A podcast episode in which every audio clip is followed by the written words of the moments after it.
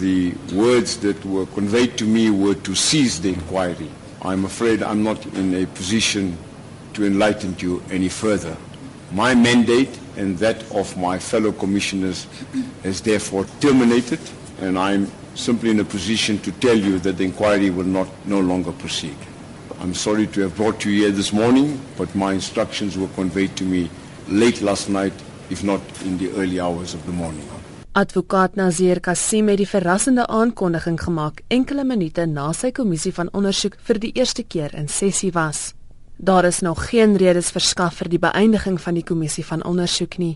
Daar is bespiegeling dat Nkasana 'n ooreenkoms aangegaan het met sy werkgewer om sy pos stilstil te verlaat. Die DALP, Glenis Breitenberg, sê die party sal alles in sy vermoë doen om uit te vind wat die ooreenkoms behels.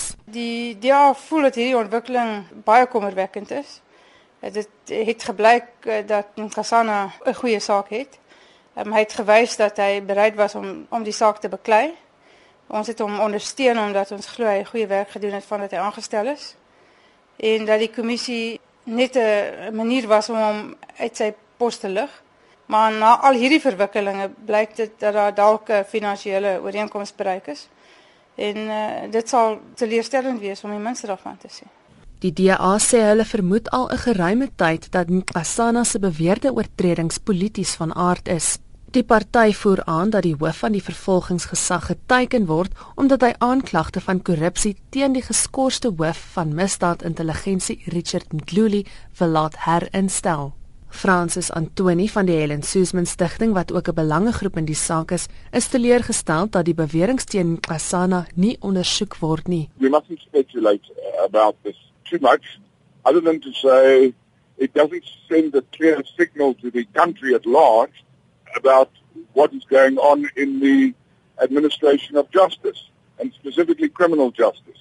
We have grave problems about what is going on with the NPA, Hawks, and now with IPID as well. So the entire justice, criminal justice cluster of organizations is under clear in disarray. Nkasana was nie by die verhoor teenwoordig nie.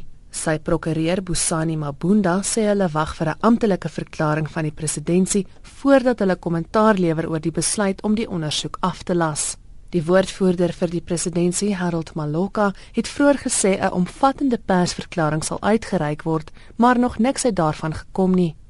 Die voorsitter van die parlementêre portefeulje komitee oor justisie, Matole Motshekga, sê egter die president sal nie gehaas word om sy besluit te verduidelik nie. And I don't think it would assist us or assist the public to speculate on the engagement that the president uh, wants to have with Mr. Ngasana. And uh, for us as parliament, we are comforted by the fact that uh, when the president has done his work, he will inform the people of South Africa what the outcome is. But for us to try and speculate and uh, entertain rumors is not going to help uh, anybody. Die ondersoek is op die been gebring om die feite en omstandighede rondom Kasana se vorige skuldig bevindinge en klagtes teen hom te bepaal. Hierdie verslag is saamgestel deur Amos Pawa en Faniel Shuma. Ek is Bianca Nel in Johannesburg.